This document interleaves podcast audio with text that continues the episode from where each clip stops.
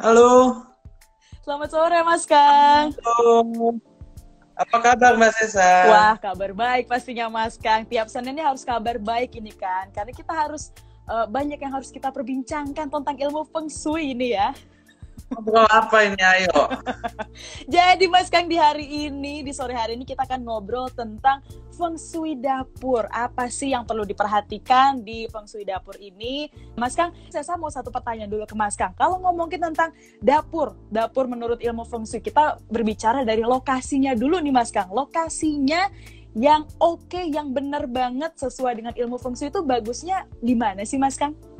Oke, hari ini kita bahas dapur ya. Mm-hmm. Nah, itu dapur juga masih masuk dalam uh, tiga faktor utama dalam uh, pengaturan feng shui. Mm. Pertama, uh, kamar tidur utama. Yang mm. kedua, dapur. Nah, jadi sehari ini kita bahas uh, juga salah satu yang terpenting dalam feng shui. Dan ya. lokasinya jangan uh, salah, karena kalau salah itu berabe kalau bagus dia bisa mendatangkan keberuntungan. Kalau jelek malah bisa amburadul, berantakan. Ah. Yang membedakan kamar tidur utama dengan uh, uh, peletakan dapur apa? Bedanya adalah waktu kita ngatur tempat tidur, kamar tidur utama itu bersifat uh, energi yin, ya artinya kita mau istirahat bagaimana supaya energi yin uh, bisa mempengaruhi kita supaya kita bisa istirahat mm -hmm. dengan totalitas ya dengan total.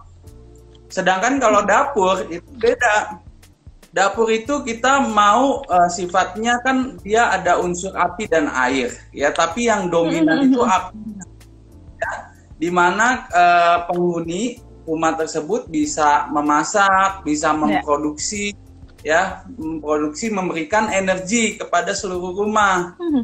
ya nah kalau peletakannya bagus ya pasti apa yang dimasak apa yang diberikan apa yang dihasilkan juga baik hmm. seperti itu nah, sedangkan kalau peletakannya salah hmm. apalagi kedua elemen yang tadi saya sebutin hmm. api dan air rock nah itu hmm. uh, malapetaka bahaya karena dua elemen ini sangat uh, berbeda bertolak belakang. Hmm. Uh, gitu. Baik, kak nah, tadi, uh, gimana mas? Ngomongin lokasi. Uh, iya. lokasi, oke. Okay. Jangan terlalu jadi lokasi. Karena kalau kita udah tahu uh, fungsinya seperti apa, nah hmm. sekarang lokasi kita tentukan. Uh, lokasi dapur terutama itu nggak boleh ada di tengah-tengah bangunan, hmm. ya. Jadi kalau kita punya bangunan dibagi sembilan, jadi dapur itu jangan sampai berada di zona tengah, uh. ya. Dan juga peletakannya jangan sampai dekat uh, dekat dengan uh, pintu masuk. Ini juga nggak boleh. Itu dua uh, yang uh, umum. Yeah. Nah, yang tidak umum, ya. Posisi dapur itu Uh, paling penting memang harus dihitung sesuai tanggal lahir, bulan dan jam pribadi yang tinggal di rumah tersebut. Oh. Tapi kalau in aturan yang lebih uh, customized lagi, hmm. ya posisi dapur itu jangan sampai di luar posisi selatan atau posisi timur. Ya ini yang umum ya, hmm. jangan di posisi selatan atau di posisi timur. Hmm. Ya dan juga uh, udah pasti sifatnya sama seperti kamar tidur utama, tidak hmm. boleh di bawah uh, di bawah WC, yeah. ya tidak boleh di atas WC, hmm. uh, garasi, hmm. itu harus dihindari semua ataupun uh, bawah tanah underground nggak boleh juga, ya. Setelah kita udah tahu lokasinya, kita mau tahu bagaimana cara men-set up elemen-elemen yang ada di dalam hmm. dapur seperti hmm. unsur api dan air, yeah. ya sudah pasti mereka tidak bisa berhadapan. Kalau kompor hmm. ada di depan, jangan sampai uh, sinknya atau tempat cuci tangannya itu hmm. berseberangan. Hmm. Ya, paling ideal dia bentuknya L. Hmm. Ya, jadi di mana uh, di uh, sinknya itu di satu sisi yang lain. Hmm. Mereka jangan sampai bertemu. Tapi hmm. banyakkan orang itu uh, mereka uh, belum tahu unsur air itu apa aja. Dia bisa sing, bisa wastafel, bisa hmm. juga kom, uh, sorry kompor lagi kulkas, Kulkas. ya atau Ah. semacam uh, apa tuh yang untuk air apa saya lupa namanya Pokoknya dia yang unsurnya ada airnya gitu tadi ya Mas Kang ya. Seperti contohnya tadi ada untuk sink juga, kulkas juga termasuk elemen air itu ya. Iya jadi yang untuk air minum Mhm. apa sih namanya aduh kok bisa Galon lupa apa saya sih Mas untuk galon itu Mas? galon air itu ya Heeh. saya lupa deh ya peletakannya itu juga jangan sampai di depan unsur api Mhm. jangan Mhm. sampai di depan ya Mhm. jadi kompor itu harus steril dari unsur air Mhm. nah dan yang harus didahulukan adalah kompornya Mhm. ya jadi waktu kita masuk ke ruangan atau wilayah zona dapur yang harus didahulukan itu kompornya kita Hmm. harus um, kompor terlebih dahulu baru uh, sink air. atau- Ah. nah dan uh, peletakannya juga yang sering banyak terjadi kesalahan Mhm. kompor dibuat seakan-akan lebih rendah daripada wastafelnya sink airnya ya mungkin karena estetika ya jadi mau selevel dengan sink padahal itu kesalahan. Ah. Nah Berarti seperti itu.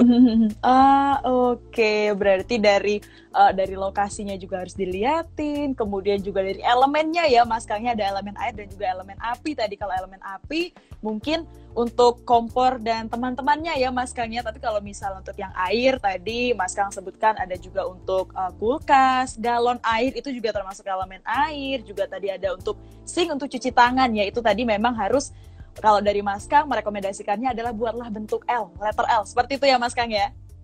letter L terbaik Letter L Betul. itu terbaik. Nah, kalau misalnya itu tadi untuk yang elemen air dan elemen api, apakah eh, beberapa perabotan lain di dapur ini juga harus disesuaikan Mas Kang dengan eh, elemen air dan elemen api tadi mungkin disesuaikannya dengan apakah harus mengikuti arah mata angin atau sebenarnya ya sudah yang yang harus difokuskan adalah si kedua elemen ini tadi untuk di dapur sendiri. iya karena dominan da- di dapur itu Hmm. dua elemen ini Mhm, ya lebihnya tidak terlalu mempengaruhi mhm.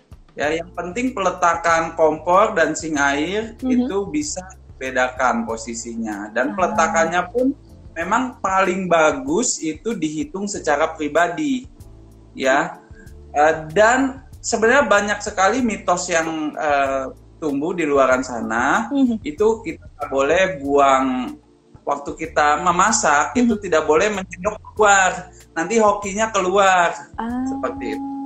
Oke. Mhm. bilang itu kepercayaan dan mitos. Lalu juga eh, kalau dapur itu eh, stepnya atau tinggi lantainya Hmm. di diutamakan lebih tinggi daripada eh, lantai rumah lainnya. Ah, Nah, ini- oke. Baik ya bagus kalau bisa ditinggikan karena konsep dapur itu harus bisa eh, bersih ya Hmm. dia bisa eh, bisa eh, steril dari eh, kotoran atau eh, tempat lainnya. Jadi dapur itu harus selalu bersih. Hmm. Ya. Mhm. Dan yang eh, saya eh, takut lupa bilang, Mhm.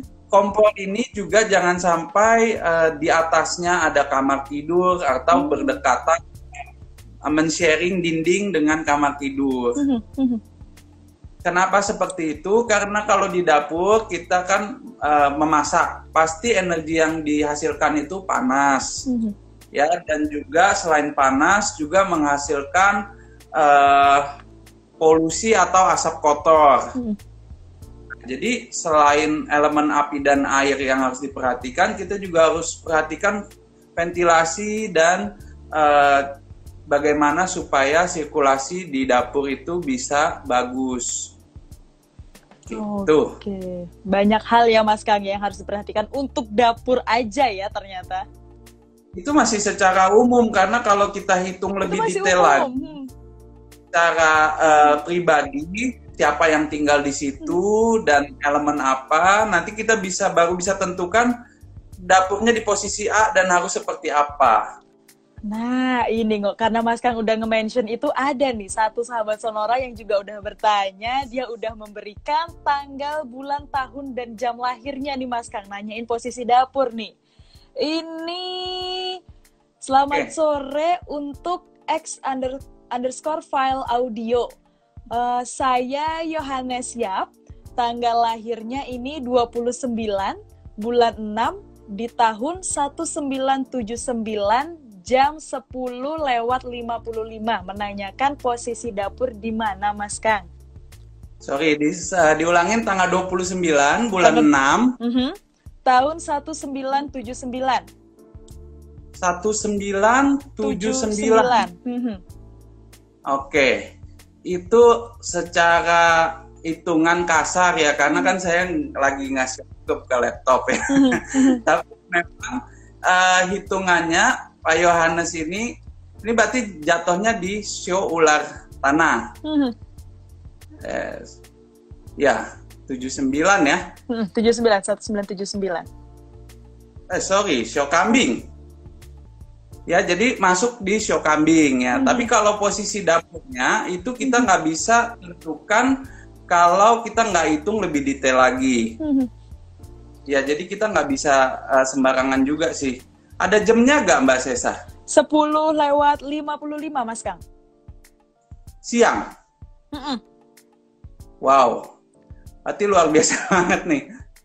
Uh, saya pasti bisa sampaikan mm-hmm. kalau Pak Yohanes ini unsur apinya tinggi sekali, mm-hmm. ya. Jadi semangatnya, etos kerjanya itu tinggi sekali. Mm-hmm. Ya juga bisa dengan disiplin yang baik. Mm-hmm. Ya cuma saja uh, kalau dalam berbisnis itu suka bimbang Nah, ini juga kita mesti hitung dari elemen seperti ini, kita bisa tentukan dapurnya di mana, jangan sampai merugikan elemen kayunya.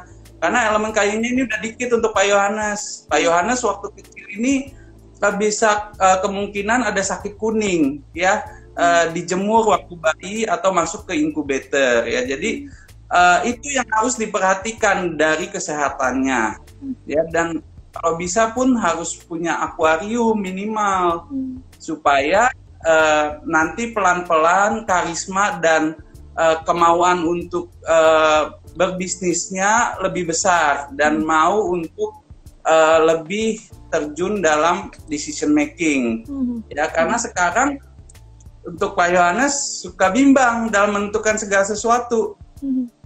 Jadi dari situ loh dari hitungan yang uh, tadi dibacakan kita bisa tentukan dapurnya di mana. Cuman kalau uh, sekarang nggak bisa langsung. Hmm. Oke, okay. gitu. masih belum bisa langsung ya Mas kayaknya. Tapi tadi ya sudah ada gambaran uh, untuk Pak Yohanes tadi ya. Betul. Jadi dari situ uh, individunya, sifatnya, karakteristiknya kita udah kelihatan. Nanti ya. kita bentuk uh, rumahnya seperti apa. Hmm. Oke, itu tadi untuk Pak Yohanes. Terima kasih nih. Kita sambil aja kali ya Mas Kanya. Jadi nanti saya juga sambil nanya, terus nanti juga sambil kita cari nih ya uh, untuk sahabat sonora yang sudah bertanya juga di kolom komentar. Ini ada satu pertanyaan Mas Kang dari komang.usna underscore health. Dapur saya satu ruangan sama ruang keluarga. Adakah efek positif negatifnya Mas Kang? Silahkan. Ya, jadi kalau uh, dari pintu hmm. dari pintu utama itu udah pasti tidak boleh bisa melihat ke dapur hmm.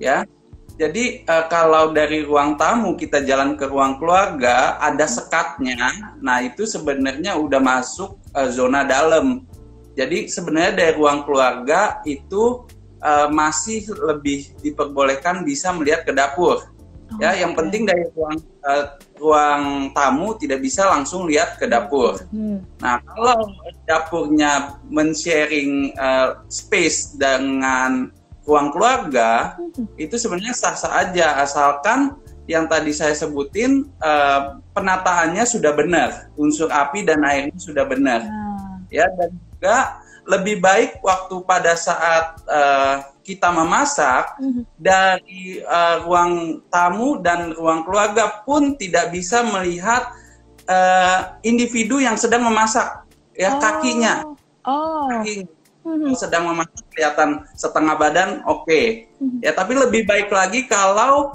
uh, dari ruang tamu uh, dan ruang keluarga pun mm-hmm. tidak bisa uh, kelihatan uh, si individu seluruhnya, tapi setengah badan aja boleh. Hmm. Oke, itu tadi. Terima kasih untuk siapa ya tadi Mas Kang Komang, Komang Usna sudah bertanya. Thank you, thank you. Ada lagi nih Mas Kang yang bertanya dari Teti Novianti 84. Mas Kang, dapur saya terletak di belakang rumah sejajar dengan gudang. Apakah boleh menurut Feng Shui? Nah, sayangnya nggak dikasih tahu ya rumahnya arah ke mana. Hmm. hmm.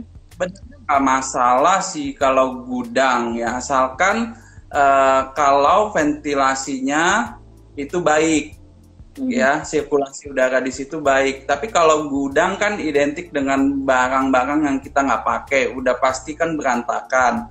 Nah, jadi kalau bisa sih jangan diletakkan di uh, dekat uh, dengan gudang ataupun WC. Nah, hmm. itu juga salah satu energi negatif kalau kita uh, meletakkan dapurnya berdekatan dengan pintu atau akses ke WC. Mm -hmm. Oke. Okay. Ya. ya, peletakan dapur itu memang baiknya di belakang. Mm-hmm.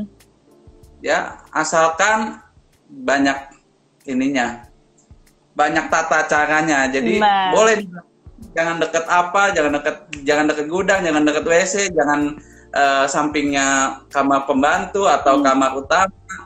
Nah itu harus dilihat secara seksama, nggak bisa mm. sepenggal-sepenggal. Mm-hmm harus diakali ya Mas ya, pinter-pinter ngakalinya ya Mas Kang ya. Betul. ya. Mas Kang ini Betul. tadi untuk yang Yohanes yang hmm. tadi uh, nanya posisi dapurnya di mana, ini baru berke apa baru jawab juga ternyata untuk uh, pukul uh, jam lahirnya ini di 10.55 malam Mas Kang. Oke. Okay. 10.55 malam. Hmm. 10.55 malam ya sebenarnya tidak banyak berubah ya, cuman uh, orangnya uh, Pak Yohanes ini selain uh, logikanya baik, juga ada sisi uh, intuisinya. Jadi logika dengan intuisi ini berimbang. Ya, jadi dalam menimbang segala sesuatu ini Pak Yohanes bisa balance, itu positif. Ya, negatifnya adalah uh, meskipun Pak Yohanes sudah tahu uh, apa yang baik karena pertimbangannya matang, dalam mengambil keputusannya berat ya karena eh, dari hitungannya Pak Yohanes itu kekurangan unsur kayu.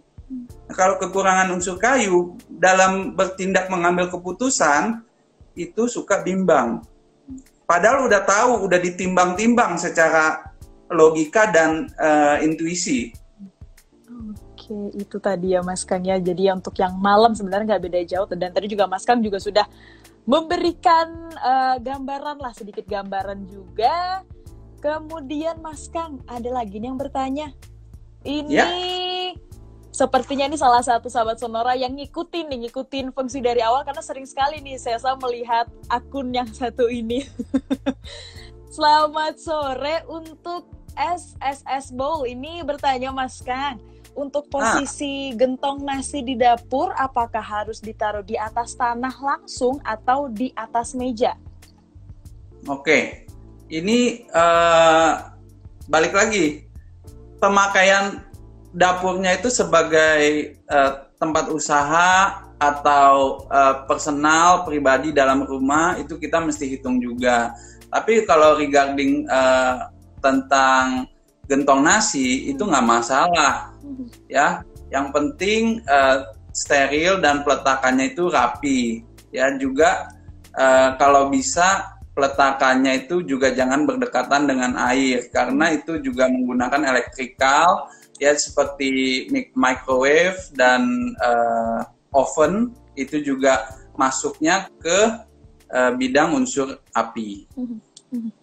Oke, terima kasih untuk sudah bertanya, sudah dijawab sama Mas Kang juga tadi ya untuk SSS Bowl. Kemudian Mas Kang ada yang bertanya lagi nih dari Anita Felicia W. Di manakah letak kompor harus bersandar? Dan jika bawah kompor tidak dipasang lemari kitchen set, apakah ada akibat buruknya? Terima kasih, silakan Mas Kang. Nah, ini juga uh, pertanyaan yang bagus ya, hmm. karena uh, tadi saya belum bicara tentang uh, sandaran untuk kompor. Ya. Sandaran ini penting sekali karena uh, dalam feng shui itu sandaran adalah uh, garansi kalau dalam segala sesuatu uh, individu tersebut punya sandaran, punya hmm. backup, punya uh, yang bisa disandarkan ya. Jadi kalau seperti kamar tidur, uh, lalu meja belajar, meja hmm. kerja, kompor itu wajib punya sandaran. Oke. Okay. Jadi belakang kompor jangan sampai dibuatkan jendela. Hmm. Ya, jadi belakang kompor itu semestinya solid dan uh, punya sandaran ya. Nah, kalau sandarannya ke mana itu tadi saya juga udah uh, arahkan kalau bisa di zona timur ataupun selatan. Tapi ini hanya hitungan secara umum. Kalau mau mengikuti hitungan lebih detail lagi, harus sertakan tanggal lahir, tanggal lahir. dan jam. Dan hmm. itu pun kita bisa di IG live karena hitungannya lebih detail. lebih ruwet ya Mas Kang ya, harus banyak yang diperhitungkan lagi ya Mas Kang ya. ya. Oke, itu tadi sudah menjawab juga. Kemudian ada satu lagi nih pertanyaan Mas Kang. Dari hmm. Bang Na 253. Mas Kang, boleh nggak nih waktu masak punggung kita menghadap pintu utama? Tadi boleh ya Mas Kang ya jawabannya ya? Hmm. hmm. Membelakangi pintu utama. Membelakangi pintu utama tapi. Hmm, hmm, ya ini salah satu yang uh, tadi kita bahas tentang hmm. uh, perkembangan kepercayaannya. Ya. Tidak boleh keluar. Nah, sebenarnya sih boleh-boleh aja kalau kita udah tahu hitungan uh, pribadi kita. Hmm, hmm, Oke, itu tadi. Jadi boleh ya untuk uh, siapa tadi yang bertanya ya? Jadi lupa lagi Bang Na, Bang Na 253. Nah tapi Mas kan kalau misalnya kemarin ini kita ngomongin tentang uh, kamar tidur. Ternyata kamar tidur juga catnya ini berpengaruh. Kamar, uh, warna cat di dalam kamar tidur ini berpengaruh. Apakah sama halnya dengan dapur Mas Kang? Um, beda ya. Hmm. Memang uh, dari segi warna kalau dalam uh, kamar tidur utama itu kita mementingkan warna yin, warna-warna soft. Mm -hmm. Kalau di dapur itu kita mau yang berenergi. Jadi warna-warna mm. warna putih mm -hmm. atau kuning contohnya atau warna merah itu uh, disarankan. Mm -hmm. Cuman sekarang banyakkan uh, modelnya sudah mulai berkembang itu modern minimalis, warna-warna yeah. soft untuk dapur hmm. ya. Uh, Sebenarnya sih pasti juga ada dapur bersih, dapur kotor ya. Jadi dapur bersihnya untuk estetika, dapur kotornya baru benar-benar dimasak, hmm. uh, baru dipakai untuk memasak. Nah itu mungkin warna yang uh, tadi saya sebutkan bisa diimplementasikan ke dapur kotornya. Oke, itu tadi ternyata ya terkait dengan uh, warna nih cat untuk di dapur Anda. Jadi memang harus lebih berenergi kalau kamar tidur tuh untuk kita beristirahat. Jadi yang lebih yang soft lah ya Mas Kang ya bilangnya ya. Oke iya, Mas bener. Kang, ada pertanyaan lagi nih dari sahabat Sonora. Dari Nila Kartika 20. Selamat sore, apa saya boleh bertanya bagaimana solusinya jika dapur ini untuk kompor dan sink sudah terlanjur berada di sektor utara rumah? Sudah terlanjur di sektor utara. Nah, hmm. utara itu adalah elemen yang memberikan uh, kelebihan pada unsur airnya. Hmm. Jadi kalau kita meletakkan uh, dapur yang uh, semestinya unsur api yang lebih berkembang, hmm. uh, nah yang harus dilakukan adalah kita melakukan kias. Caranya bagaimana supaya uh, unsur api ini bisa lebih besar daripada yang sekarang. Ya. ya. Caranya bisa kita pakai dengan cermin. Ya, hmm. jadi da, uh, dengan cara meletakkan cermin hmm. di tembok sebelah kiri atau kanan kompor itu bisa memberikan efek pembesaran daripada kompor tersebut. Jadi uh, unsur api bisa lebih dominan. Hmm. Ya, jadi penggunaan cermin. Oke, penggunaan cermin. Nah, berangkat dari sini Mas Kang, sebenarnya ada nggak sih beberapa uh, apa ya alat-alat atau mungkin perabotan rumah nih di luar dari dapur yang uh, boleh dipasang di dalam dapur gunanya untuk ngebus si uh, feng shui ini atau sebenarnya ada juga beberapa uh, dekorasi ataupun alat-alat di dalam rumah yang sebenarnya tidak boleh ada di dapur. Ini ada nggak sih Mas Kang sebenarnya? Alat-alat memasak udah pasti mm -mm. boleh. di luar kalau tadi kayak Mas Kang sebutin ternyata uh, cermin itu juga dibutuhkan bisa juga nih untuk mengakali. Nah, apakah ada eh, barang-barang uh, lain nih sebenarnya? Iya, jadi yang uh, penting itu di daerah dapur itu adalah pencahayaan, uh-huh. sirkulasi, dan uh, efek besar untuk unsur apinya. Uh. Jadi kalau uh, kita mau uh, mendesain dapur dengan baik, uh, ini aja tiga hal yang harus diperhatikan. Uh-huh. Ya, jadi kalau ternyata uh, peletakannya salah pun, ya. itu kita bisa menggunakan cermin ataupun uh-huh. menggunakan lampu. Uh ya okay. cuman kalau saya lihat case-nya sekarang itu ya. lebih harus digunakan cerminnya hmm.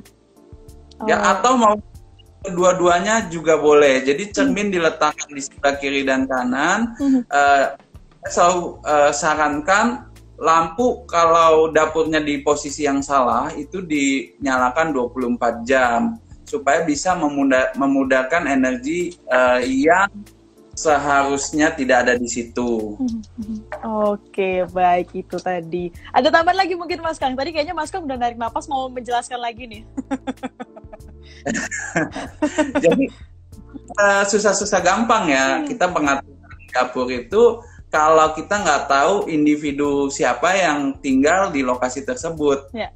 Hmm. Jadi uh, caranya kiasnya pun beda-beda. Oke. Okay. Gitu itu ya tadi memang harus tahu dulu nih kalau tadi Mas Kang bilangnya biar tahu untuk tiap orang itu harus tahu tanggal, bulan, tahun dan jamnya juga jadi biar bisa dilihat baik itu untuk gambaran kasarnya. Tapi Mas Kang, ternyata obrolan kita tentang dapur ya, tentang feng shui dapur itu sudah 30 menit nih Mas Kang, udah setengah jam sendiri.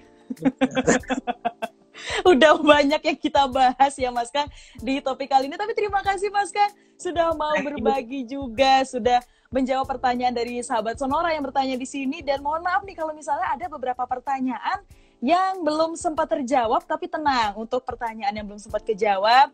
Nanti coba lagi di Senin depan karena seperti biasa setiap hari Senin di pukul 16 akan ada Instagram eh, Instagram Live Feng Shui. Ya ampun sampai berpetan saya ngomongnya. Ada Instagram Live Feng Shui bersama dengan Mas Kang di mana juga topiknya nanti akan berbeda-beda setiap minggunya. Silahkan coba nanti Anda boleh bertanya di situ. Nanti akan saya bantu untuk uh, menanyakannya langsung ke Mas Kang. Mas Kang terima kasih Pasti, thank you.